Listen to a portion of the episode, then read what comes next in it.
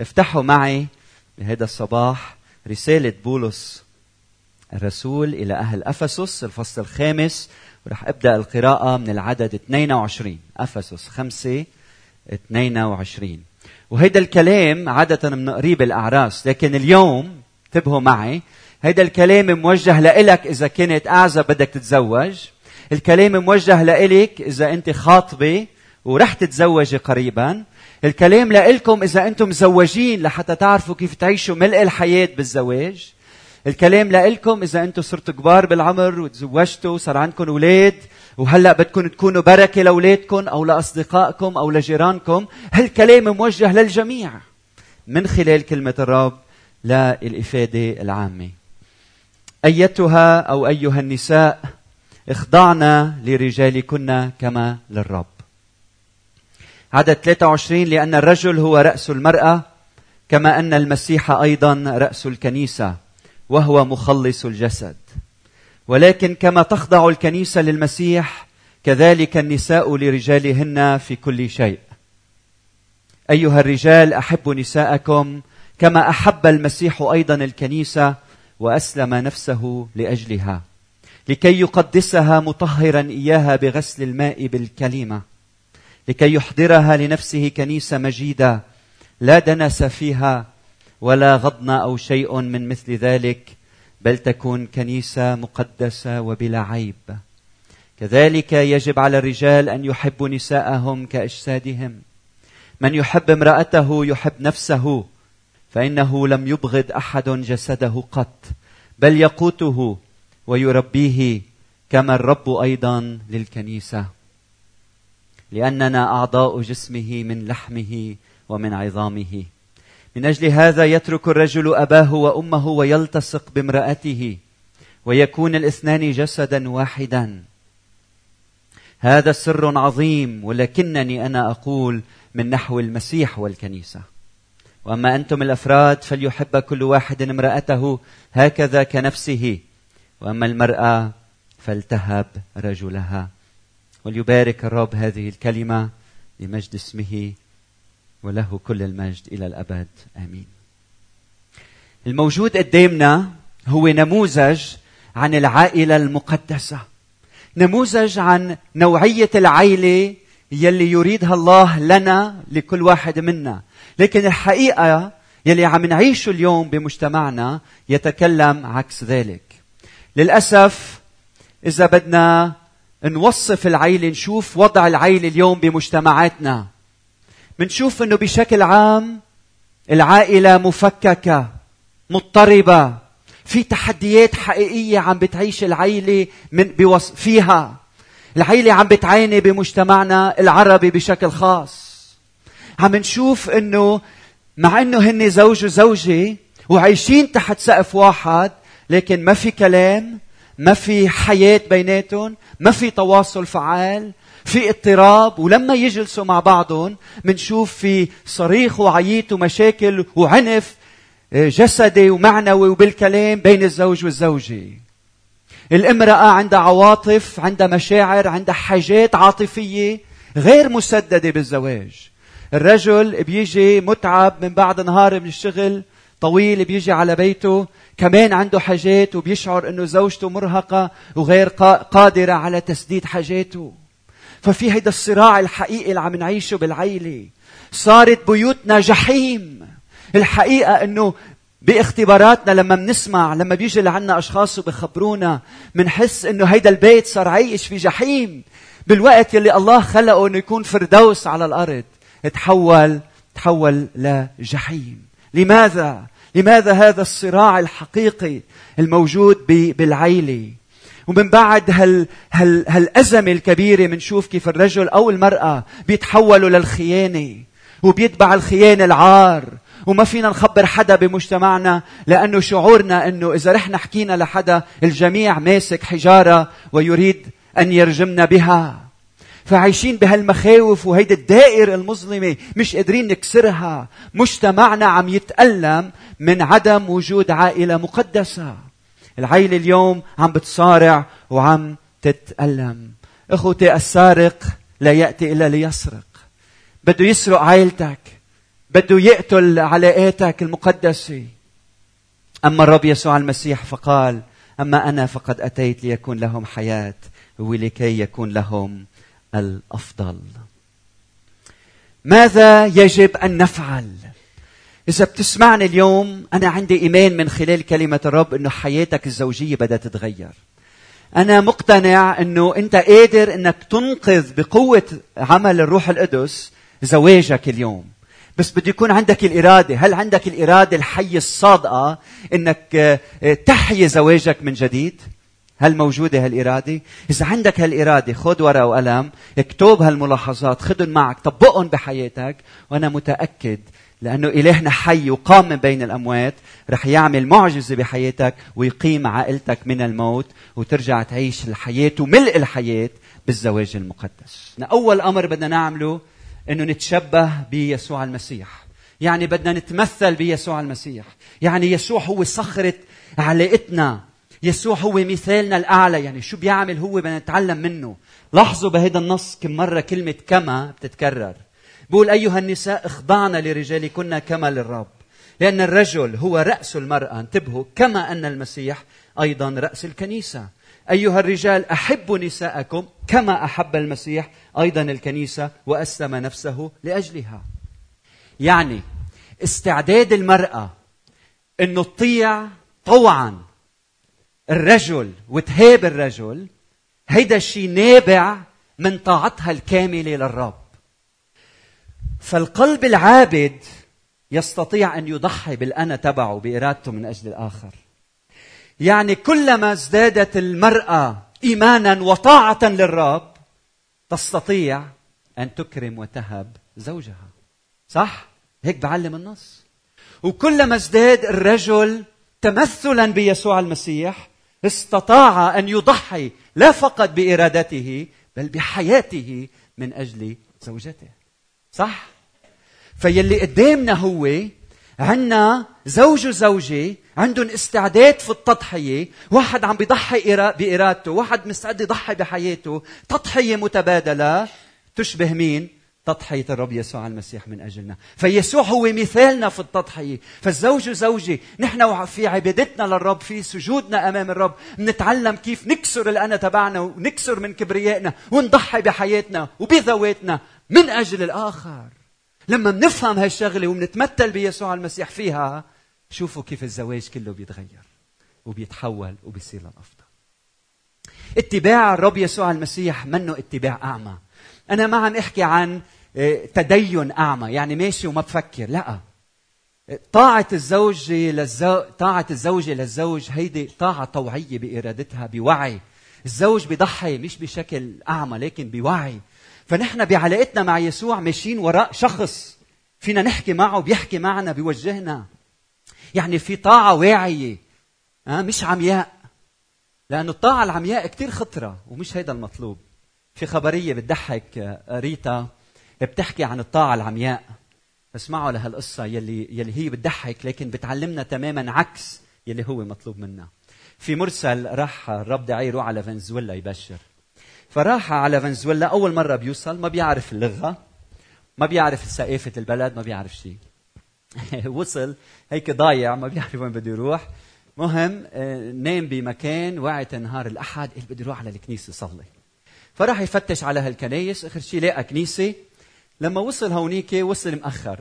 فات من الكنيسة المليان القاعة كلها مش عارف وين بده يقعد مش عارف شو بده يتصرف. طلع شاف مكان فاضي قدام. فقال بيجي بقعد قدام. فقرب هيك وقعد قدام وشاف في حدا قاعد حد منه.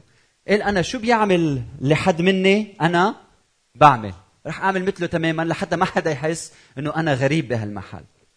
فبعد شوي وقف وقف الجمهور وقف قام وقف معه. بعد شوي زقف. شو عمل هو؟ زقف معه. بلشوا يقروا فتح كتاب فتح كتابه وبلش يقرأ. ومش فاهمين شيء عم بيقلدوا. بعدين بعد شوي اجى كسر الخبز. اعطى خبز لهيدا الشخص أخذ الخبزة أخذ خبزة. اكل اكل شرب خمر شرب خمر. عمل مثله مية بالمية. فطلع الواعظ وعظ وخلصت الوعظة.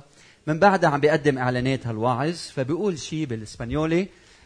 كلهم بيصيروا يزقفوا فهو بيزقف. بعدين بيقول جملة فبيوقف هيدا حد منه فهو بيوقف كمان. لما وقف صاروا كلهم يضحكوا والبعض هيك صار يبشبش.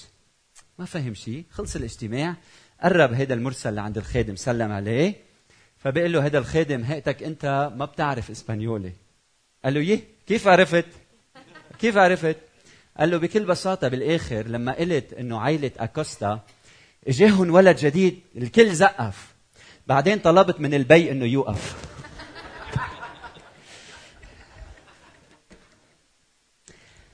هيدي القصة مضحكة لكن مش هيدا الشيء اللي عم يطلبه يسوع منا. يسوع بيحكينا لغة مفهومة. بده ايانا نتبعه اتباع واعي. أول شيء بدنا نعمله بدنا نتمثل بيسوع المسيح. الأمر الثاني لأنه الاتباع منه أعمى. الأمر الثاني هو بدنا نتعلم الحق. بدنا نتعلم الحق. المسيح يلي إلهنا يلي أسس الزواج يلي خلق الزواج هو هو صاحب الزواج. وضع أسس للزواج الناجح. فإذا أنت بدك زواجك يكون ناجح بدك تفهم هالأسس وهالقيم لحتى تعيش حياة زوجية حلوة. بتشتري سيارة بيجي معها شو؟ دليل. بتشتري مكنة كهربائية بيجي معها دليل. بتروح تشتغل بمؤسسة المؤسسة في إلى أنظمتها في إلى قوانينها في إلى قيمها. إذا بدك تشتغل بهالمؤسسة بدك تفهم هالأمور هيدي لتعرف كيف تشتغل صح؟ نفس الشيء الزواج. ليش منجي على الزواج ومنا محضرين ليش ما بندرس؟ ليش ما ليه, ليه ما بنكون عارفين كيف بدنا نجي على هالعلاقة؟ هيدا الشيء كثير مهم نعرف كيف نتزوج كيف نعيش حياة زوجية. وهذا الشيء مهم جدا. طيب وين بتعلم؟ أول شيء من كلمة الرب. بيجي على أفسس خمسة. بقعد أنا وزوجتي وبنقرا هذا النص. وكل واحد بصير يسأل حاله وين أنا لازم أنمى؟ شو لازم أتعلم؟ من كلمة الرب كيف فيها تغذيني لحتى غذي هالعلاقة الزوجية. من هيك كلمة الرب بدها تكون دايما معي برفقتي. مش مقصود في أقعد أنا وزوجتي ونقرأ افس واقول لها ها شفتي أنت ما عم بتطيعي.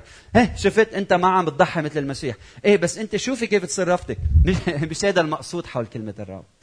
باخذ كلمة الرب وبقريها لنفسي. يا رب وين؟ وين أنا مقصر؟ وين الأمور اللي أنا لازم غيرها؟ أوكي؟ فكلمة الرب لإلي. بروح على فيليبي أربعة ثمانية. رسول بولس بقول أيها الإخوة كل ما هو حق كل ما هو جليل كل ما هو طاهر كل ما هو عادل كل ما هو مسر كل ما صيته حسن. إن كان مدح أو فضيلة فبهذا افتكروا. وما تعلمتموه وتسلمتموه وسمعتموه ورأيتموه في فهذا افعلوا. وبعدين إله السلام يكون معكم. فإذا بدكم إله السلام يكون بهالبيت ويكون هالبيت ممتلئ من السلام شو لازم نعمل؟ بدنا نعيش هالفضائل صح؟ فأنا بقرأ هو بقول له يا رب أنا وين مقصر؟ أنا وساعدني يا رب إنما بحياتي بحياتي الزوجية فوين بنتعلم من كلمة الرب؟ وين بنتعلم؟ من علاقات اللي سبقونا المتقدمين عنا من هيك كل عيلة لازم يكون عندها مرشد لازم يكون في حدا أكبر منك قطع هيدا الشوط لحتى تستفيد منه وتتعلم من حياته. وين الإنسان بيتعلم؟ وين الشاب بيتعلم كيف يعامل زوجته؟ مش بالبيت لما كان عمره ست سنين؟ لما يطلع على بيه وأمه كيف بيعاملوا بعضهم؟ مش هونيك بيتعلم؟ كيف بعد عشرين سنة بده يعامل زوجته؟ إذا إذا إذا هيدا الولد بيطلع بيشوف بيه بيعامل زوجته كسلعة من أجل إشباع رغباته وحاجاته. غريب إذا هيدا الولد طلع مدمن على الأفلام الإباحية لأنه ما بيقدر يفهم من العلاقة بين الرجل والمرأة إلا إنه المرأة سلعة. لاشباع الذات. كيف الولد بيشوف أهله؟ هيدا بيصير بداخله وبعدين بيصير يروح يتصرف بموجب هيدا الأمر. إذا ولد ربيان ببيت بشوف إنه كل شيء مأمن البيت نظيف والأكل على الطاولة. لكن المرأة ما بتحترم زوجها. أمه ما بتحترم بيه كيف بيصير مش... بيا كيف بيصير مشاعرها لما تكبر؟ وكيف بيصير نظرتها للرجال؟ صح. يلي بيصير بالبيت يلي بيصير بالبيت. العلاقات يلي بنشوفها كيف الصبي بيعامل أخته بالبيت؟ وأنت شو بتقول كبي وكأم؟ وكيف بتعلمه كيف يحب أخته؟ كيف هي تحترم خيها؟ هيدا هو التحضير للزواج. اللي بيصير بعد 20 سنة لما اثنين بيتزوجوا. لكن العلاقات فتشوا على علاقات مقدسة. بنتعلم من هالعلاقات. الأمر الثالث هو من خلال إنه ناخذ دروس قبل الزواج دروس كمان لإنجاح الزواج وإغناء الزواج. من هيك بكنيستنا عندنا ناس متخصصين حتى يساعدونا نغني الزواج. ما تنطر عشرين سنة. من الأول بلش صح؟ هلأ في كورس ماشي كن صرنا عاملين ثلاثة أربعة للأشخاص الخطاب عم يجوا كل نهار جمعة بيدرسوا. من خلال المعرفة لما بتكتسب المعرفة بتتعلم كيف تتواصل مع الآخر المختلف عنك. بتتعلم إنه ثقافة الآخر مختلفة عنك. بتتعلم إنه في توقعات بالزواج. اثنين بيجوا بتوقعاتهم. كل هالأمور بنتعلمها لما بناخذ هالمواد مع أشخاص متخصصين بيساعدونا. فلما نكون جديين رايدين إنه نتعلم قديش في أمور نتعلمها ومفيدة لحياتنا. بتعرفوا أنا لبناني زوجتي مش لبنانية مثل ما بتعرفوا. فمعرفة الآخر من ثقافة تاني بيتطلب جهد. وبقول أنا كم مرة بحياتي جرحت مشاعر زوجتي لأنه ما كنت فهمان ثقافتها. كم من مرة أنا تصرفت غلط تجاه زوجتي لأنه كنت بجهل ثقافتها خلفيتها. فقديش مهم تعرف الآخر لتقدر تحبه كما يجب. فدايما أنا بفكر إنه المحبة زائد الجهل ممكن تأذي الآخر. ممكن تأذي الآخر. وفي عندي قصة بحب خبرها تقريبا كل ما اثنين يتزوجوا. قصة السعدين والسمكة يمكن سامعينها مني. هالقصة يلي بتقول إنه في سعدين بأفريقيا. هيدا السعدين كان كثير محب كان يحب الطبيعة كان يحب الحيوانات وكان يهتم بالطبيعة والحيوانات. فمرة كان على على شجرة بيطلع تحت بشوف بالساقية بالنهر بشوف سمكة بقلب الماء وعم بتفرفر هالسمكة بقلب المياه والشمس ضاربة على المياه. طلع هيك قال السمكة عم تغرق. فبيروح بينزل هيك بيدندل على غصن بدنبه وبينزل بإيده وبيقرب هيك وبيخلص السمكة من الغرق. فبينبسط إنه عمل عمل عظيم. بياخذ هالسمكة بحطها على صخرة وبيقعد بيتأمل فيها. بتفرفر شوي هالسمكة وبعدين بتهدى إلى الأبد. بيقول خي أنقذت سمكة من الغرق.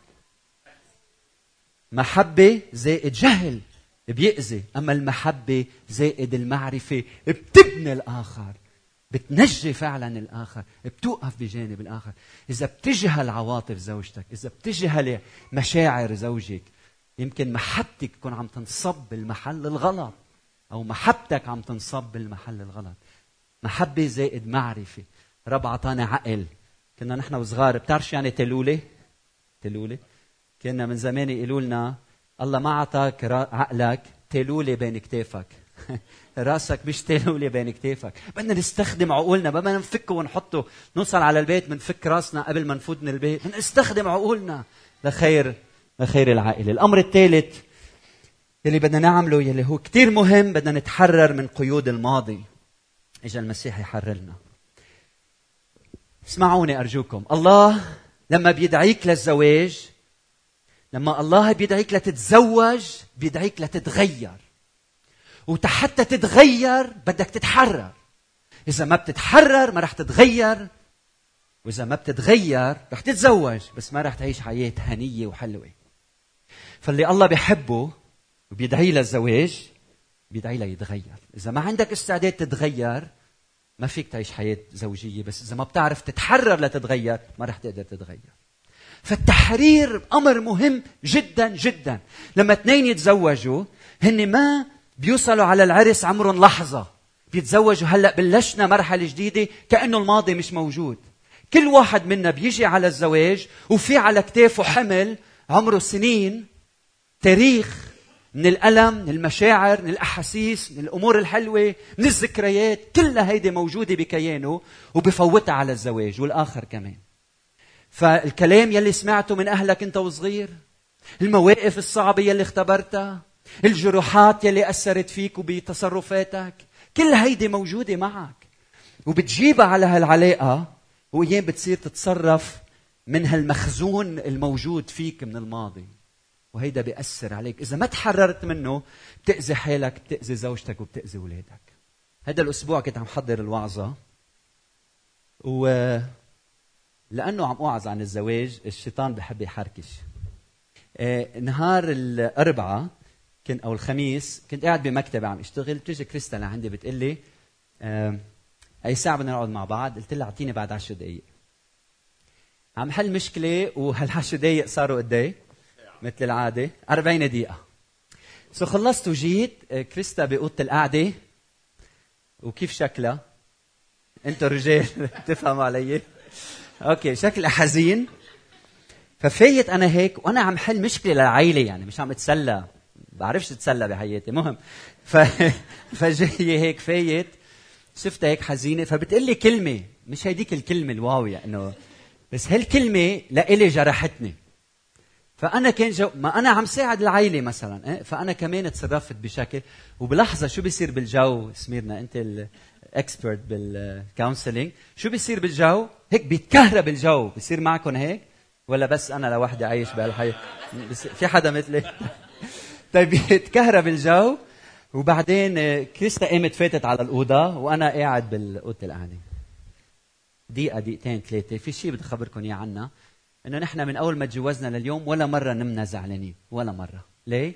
لأنه من الأول تعلمنا لا تغرب الشمس على غيظكم. كان صعب بس عملناها. من هلأ مستحيل هلأ مستحيل نحن ننام زعلانين. بنعرف إنه كريستا ما رح تنام بالأوضة وأنا ما رح نام على الصوفا أو برا. ما رح نام بشي محل إلا لما نتصالح. بس أنا وقاعد وعم عم فكر إنه بهالشيء دغري إيه، إيه، بيجي الماضي لعندك بزورك بيجي الصوت بيحكيك. ما انت رجال. ليش بيك امتين اعتذر؟ على طول بالذاكرة إنه الماما بتروح لعند البابا. أنت عندك من كرامتك. في الأنا في كبريائك. أنا بدي بادر روح اعتذر. هي بدها تجي. ما أنا كنت عم ساعد العائله نعم تأخرت. بس كان فيها تكون لطيفة معي. وهي ما كانت ما قالت شيء هالكلمة يعني. بس إنه دغري بتصير براسك كل هالأفكار وبتشعر إنه أنت هلأ مؤيد وما عندك هالقوة إنك تقوم وتبادر لعند الآخر وتصالحه. بعدين في روح روح القدس بيجي لعنا بيزورنا اجى هالروح وقال لي مين الرجال بالبيت؟ قبل شوي كان عم بيقول لي الشيطان مين الرجال بالبيت؟ هلأ اجى الروح عم بيقول لي مين الرجال بالبيت؟ قلت له أنا. قال لي مين بيبادر بالمصالحة؟ مين بيبادر بالغفران؟ مش يسوع الرأس؟ مش شو اجى لعنا؟ نحن نحن لعنده؟ مش شو اجى لعنا بالأول؟ فأنا بدي إياك أنت تبادر. وبتعرفوا هيدا الكلام ليلي مرق فيه مثل السكين بفوت على القلب مش هيك؟ صعب تسمع هيدا الصوت وما فيك إلا ما تبادر بالمصالحة. وما أخذت أكثر من خمس دقايق وأنا وكريستا كل شيء انحل ورجعت الأمور لطبيعتها. لما لما نحن بنقول لا لهيدا الصوت لهالأنانية اللي فينا لهالكبرياء اللي فينا لهالإنسان المعطوب اللي فينا. لما بنقول لا لهالماضي المرير يلي تعلمنا منه أمور غلط ومننتفض بقوة الروح ومنبادر شوفوا كيف بتصير المصالحة وبيتحرر الإنسان. أمين؟ زقفوا لي شجعوني. بالقليل رجالي زقفوا لي إذا النساء ما بدها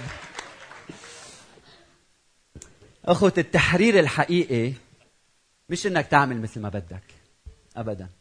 التحرير الحقيقي أن تفعل ما اسمعوا التحرير الحقيقي أن لا تفعل ما لا تريد.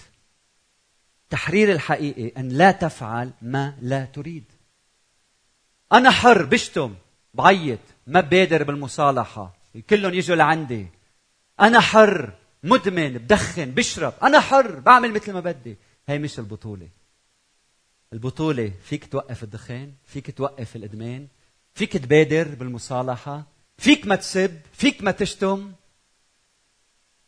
البطولة إنك تقدر تسيطر على مشاعرك من خلال إرادة حية عايشة تحت سيطرة قوة مظلة الروح القدس. هيدي الحرية الحقيقية. إنك تكون حر إنك ما تخطي يكون عندك الإرادة والقوة إنك تعيش بقداسة هيدي هي الحرية الحقيقية. فبدي أدعيكم تتحرروا تتحرروا. المسيح اجى تيحررنا. وإن حرركم الإبن فبالحقيقة تكونون أحرار. صرنا رقم ثلاثة رقم أربعة. أمر كثير مهم له علاقة بالجسد. ماذا يجب أن نفعل؟ نهتم بأجسادنا وبجسد الآخر رفيق الحياة. لاحظوا معي الأعداد 29 و 30 كلكم معي؟ إنه لم يبغض أحد جسده قط بل يقوته ويربيه كما الرب أيضا للكنيسة لأننا أعضاء جسمه من لحمه ومن عظامه. فالمشهد هون أنه الرجل يهتم بجسده ولأنه بيعرف يهتم بجسده بيقدر يهتم بزوجته. ومثل ما أنا بهتم بجسدي بهتم بزوجتي لأنه زوجتي وأنا اتحدنا بهالجسد الواحد. فمن هيك بنهتم ببعضنا البعض مثل ما بنهتم بأجسادنا. فإذا بتعرف تهتم بجسدك بتعرف تهتم بزوجتك. كثير مهم نهتم بأجسادنا. لماذا؟ أو كيف نهتم بأجسادنا؟ أول طريقة أنه نحافظ على أجسادنا أجساد طاهرة مقدسة للرب. إذا أنت منك مزوجة إذا أنت منك مزوج أي علاقة خارج الزواج أي علاقة قبل الزواج خارج الزواج بتوسخ الجسد تجلب عار على هالجسد يلي خلقه الله وبحبه وجميل جدا وهو رفيقك. أي علاقة خارج هالإطار هيدا بتوسخه بتلطخه. والمسيح بده جسده يكون طاهر بده هالجسد يكون نقي. الطريقة الثانية من خلال إنك تقوته وتربيه بقول النص. إنك تغذي جسدك تعرف شو تاكل تعمل رياضة تهتم بجسدك. ودايما رح ضلني أقول هيك وقديش هي الشغلة مهمة. لأنه علاقتك العاطفية بزوجتك أفضل إذا أنت بتهتم بجسدك. ونفس الشيء أنت. علاقتنا أنا وزوجتي الجنسية أفضل بكثير لما بنهتم بأجسادنا. وهيدا الشيء مقدس والله راغب فيه. مش بنجيب أولاد وبننسى حالنا. يصير اهتمامنا بالولد. هيدا جزء من هال الاتحاد الجسدي بين الزوج والزوجة. بشرقنا مش كلكم يمكن ولا واحد منكم هون. بشرقنا غريب إنه تبقى البنت هيك صبية وحلوة وناعمة وأنيقة ورشيقة. بتظبط شعراتها بتظبط شكلها وكل شيء مهضوم وناعم وبت... وبتلبس بشكل جيد جدا وممتاز وكل شيء حلو. ولما بتتزوج آخر مرة بتشوفها حلوة. شو بيصير دخلكم شو بيصير؟ شو بيصير؟ بعدين بلش تلتهي بأمور تانية. كل شيء بيتغير. و وبعدين لما بتقرب عليها ريحتها كزبرة توم بصل. شو بيصير؟ ما الله كثير حلو نخدم أكيد نطبخ وكل شيء. بس زوجك تجوزك لأنك حلوة فخليك مثل ما أنت. اهتمي بجسدك من أجل الآخر. ويا رجل نفس الشيء ها؟ قبل ما نتجوز بنعمل رياضة. وينو غسان؟ tennis football basketball ليل نهار. عم نلعب. نتزوج. بصير بنصير نحط أولادنا على على كروشنا لحتى يناموا ما بعتقد هي مشيئة الرب. لا تهتم بجسدك بتعيش نوعية حياة وبتعيش عمر طويل. تعرفوا أنا بيي لما آه، خطب راح هو وخطيبته يعملوا فحص دم يلي هي أمي. عملوا فحص دم الحكيم قال له لبي قال له ليك وضعك مش منيح. صحتك مبين أنت مثل بيك واذا ما بتنتبه على حالك ما رح تعيش كثير فبي هيك رفضي وهيك فعصب زعل منه وبقول لأمي شو هيك الحكيم بده يقتلني. فمهم ترك وفل وبي بنص بمنتصف الأربعينات مرض وبعمر السبعة وخمسين تركنا إلى العالم الآخر. أحفاده ما بيعرفوه وهو ما بيعرفهم. اولاده اشتاقوا له. مرته أرملة. قديش حلو كنا هلا لو عم نمشي على هالدرب كرفاق معا. انتبه على صحتك مش بس كرمالك كرمال زوجتك كرمال اولادك كرمال اللي بيحبوك. انتبه على صحتك. الجسد مقدس هو رفيقي بدي أهتم فيه. المسيح إجا يلمس الجسد ويشفي الجسد. أعطانا الإرادة لنشفي ونعتني بأجسادنا. آمين؟ آمين. الأمر الأخير هو الصلاة. الصلاة. الصلاة. ماذا يجب أن نفعل؟ نصلي معا ومن أجل بعضنا البعض. ما في شيء بينجح الزواج مثل الصلاة. مثل الصلاة. أعمق اتصال بين الزوج والزوجة هو الاتصال الروحي. عندهم نفس الدعوة لما يكونوا بعلاقة روحية عميقة مع بعضهم البعض. كل شيء حلو بس ما في مثل هالاتصال الروحي الحقيقي الموجود بين الزوج والزوجة. الصلاة معا لما تشبك إيدك بإيد زوجتك وتصلي. لما تكون في تحديات بالحياة تجارب صعوبات لما تقعدوا تصلوا مع بعضكم البعض. ما في شيء بيعطي قوة ونشاط وحيوية لهالعلاقة مثل الصلاة. لما تسجدوا مع بعض أمتين سجدتوا آخر مرة مع بعض أمتين صليتوا مع بعضكم البعض. الصلاة مهمة. بالصلاة بصير فيها الاتحاد العميق بالصلاة بنغلب بنتجاوز الصعوبات بالصلاة بنعرف مشيئة الله لحياتنا الزوجية. بالصلاة تتقلص الفجوة بين الإرادة والعمل. تتقلص الفجوة بين شو بحب أعمل وشو عم أعمل. ها؟ هيدي الفجوة يلي كلنا بنكرهها بتتقلص. بالصلاة بصير في تحرير حقيقي بين بحياة الإنسان. دايما لما بوعظ بسأل السؤال كيف؟ كيف؟ أوكي كيف بدي أعرف الحق؟ بروح بقرأ كلمة الرب. باخذ course بتطلع على العلاقات كيف؟ كيف بدي أهتم بجسدي؟ بعمل diet من بعد السبعة ما باكل عشية مثلا. بعمل رياضة. كيف؟ كيف بدي أتحرر؟ رح قلكم كيف أنا بتحرر. بتحرر أنا هيك.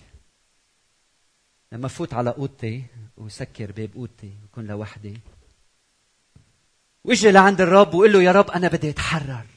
أنا إنسان بدي يصير بحسب قلبك. يا رب بدي إياك تلمس قلبي وفكري ومشاعري وعواطفي. بدي إياك يا رب تعمل معجزة بحياتي. بدي إياك تغيرني بالكامل. بدي اطيعك بمشاعري وإرادتي. بدي اطيعك طاعة كاملة. ما بدي أعيش إلا لك ما بدي أرضي إلا شخصك. بدي اكون سبب بركة بحياتي وبكلامي وبمواقفي وبكل شيء بعمله. أرجوك ارحمني وسامحني وحررني واطلقني وغيرني واعملني إنسان جديد. خليني اكون وين ما أكون بركة بكل شيء بعمله يا رب. أنا بستسلم بين إيديك. أنا بسجد قدامك. أنا بنكسر عندك. عندك أنا بعطي حياتي لك من جديد. أنا عند الصليب يا رب راكع وساجد وما إلي غيرك يا رب دخيل إجريك. رحمني وأقبلني وغيرني وحولني وجددني ونميني وغسلني وطهرني وغير قلبي.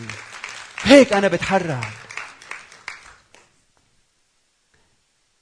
والرب بيحررني وبينميني وبيساعدني وبصير كل ما انكسر كل ما حلق بالأعالي. هل بتحتاج للتحرير؟ صلي واكسر قلبك. بين إيدين الرب. السارق لم يأتي إلا ليسرق ويقتل ويهلك ويذبح. بده يذبح زواجك. بده يقتل زواجك. بده يدمر حياتك. أما أنا فقد أتيت لتكون لهم الحياة ولكي يكون لهم الأفضل. غمض عينيك معي وصلي للرب اليوم وقل له يا رب بدي زواجي يتغير. أو قل له حضرني للزواج. ما بقى تصلي يا رب ابعث لي الشخص المناسب. قل له يا رب اجعلني الشخص المناسب. اجعلني لإلي الشخص المناسب. خيي حبيبي بدي شجعك تتشبه بيسوع المسيح. ما في غيره. ما في غيره. هلأ قل له يا رب أنا بدي أترك وبدي أتبعك. بدي اترك وبدي اتبعك. بدي اتبعك يا رب بشكل واعي بإرادتي. بدي اتبعك. أنا خلصتني لأنه أجمل حياة معك. لأنه فيك الحياة أنت. لأنه لما بعيش قيمك لما أكون فيك بعيش بكرامه وبعيش غيري بكرامه وبعيش اولادي بالفردوس على الأرض. وين وين في محطات بحياتك انت بحاجة انك تنكسر بحضرة الرب؟ وين في أماكن بحياتك يسوع عم لك تشبه في اتبعني.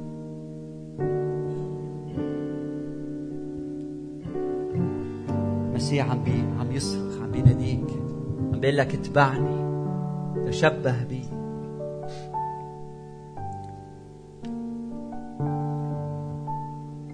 قل له يا رب بدي أعرف الحق. وبدي أطيع الحق وبدي أطبق الحق.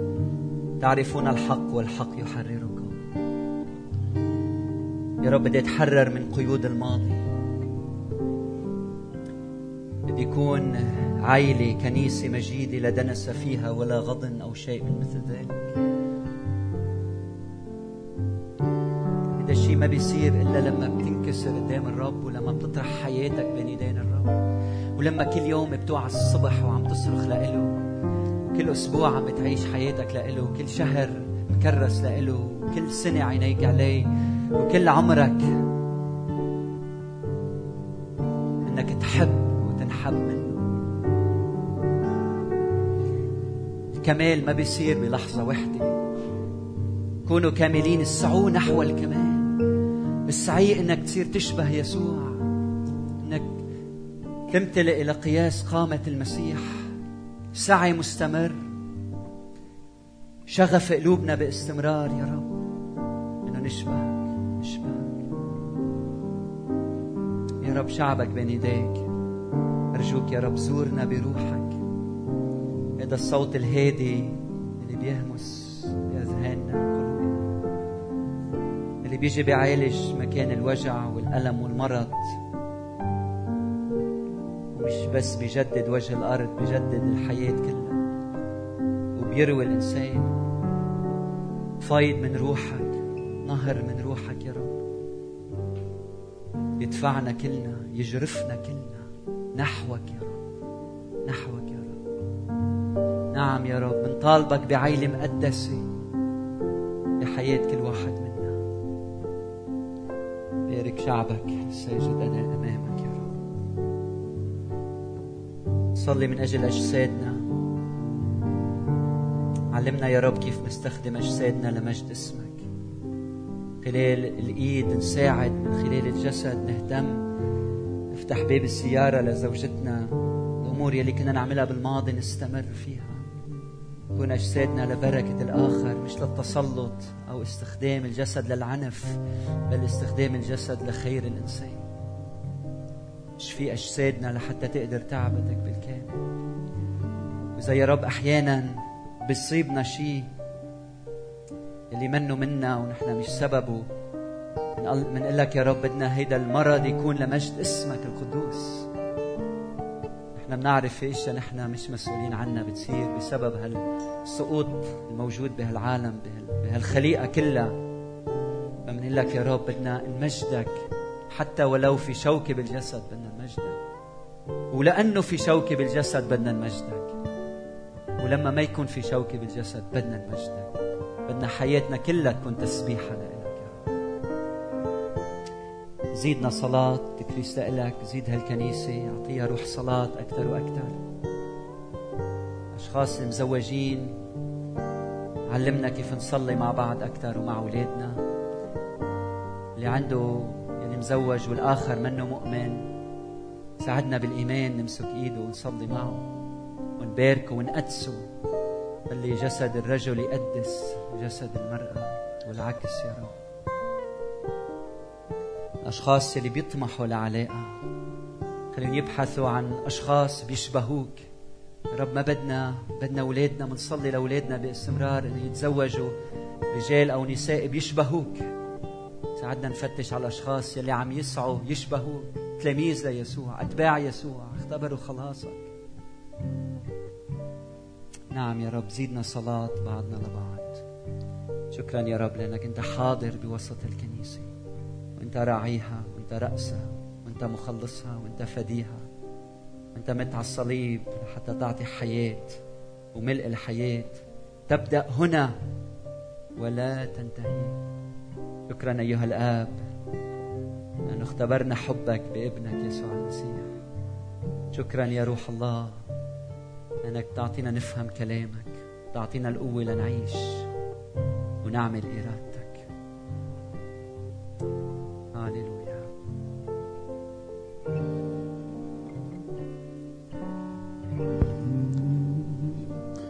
إن لم تبني أنت البيت تضيع تحبوا توقفوا معي؟ إذا بتحبوا عم تصلوا خليكم تغرس أنت الكرب يغيب رجاء الكرم فلتتفضل أنت وتبني بيتك هذا وتعلي. واذكر هذا الشعب الساجد كي تحفظه وتنقيه هذا بيت منارة يهدي ويرشد من يأتي. واملأ بيتك هذا سكيبا تعلن مجد جلالك فيه. إن لم تبني أنت البيت تضيع جهود لم تغرس أنت الكرم يغيب رجاء الكرمين فلتتفضل أنت وتبني بيتك هذا وتعلي واذكر هذا الشعب الساجد كي تحفظه وتنقيه واجعل هذا بيت يهدي ويرشد من يأتي. واملأ بيتك هذا سكيبا تعلن مجد جلالك فيه.